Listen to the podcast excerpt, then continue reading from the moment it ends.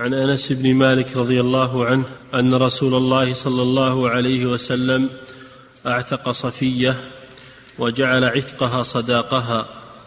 نعم صفية هي صفية بنت حيي بن أخطب من زعماء اليهود المعادين لرسول الله صلى الله عليه وسلم أشد العداوة.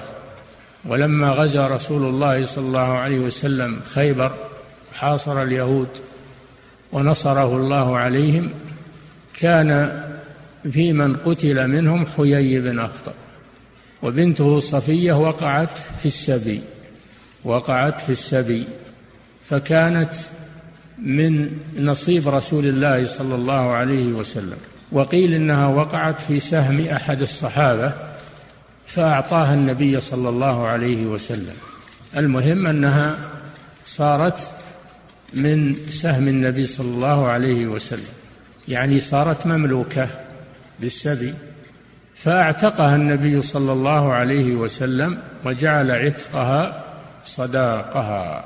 فهذا فيه دليل على مشروعية الصداق وأنه لا نكاح إلا بصداق. وفيه دليل على أن الصداق يكون مالا ويكون منفعة. ومن ذلك العتق. فإنه منفعة عظيمة فيكون صداقا. فالصداق هو ما ينتفع به سواء كان مالا أو كان منفعة أو كان منفعة كتعليم القرآن أو تعليم المهنة أو الحرفة أو كان أجرة بأن الزوج يؤجر نفسه ويجعل أجرته صداقا للمرأة كما فعل موسى عليه الصلاة والسلام مع رجل مدين.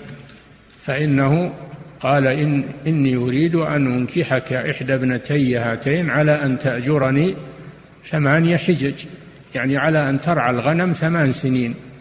الحجج جمع حجة وهي السنة على أن تأجرني ثمانية حجج فإن أتممت عشرا فمن عندك.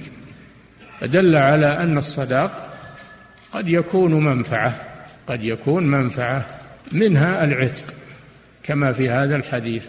جعل عتقها صداقها. نعم.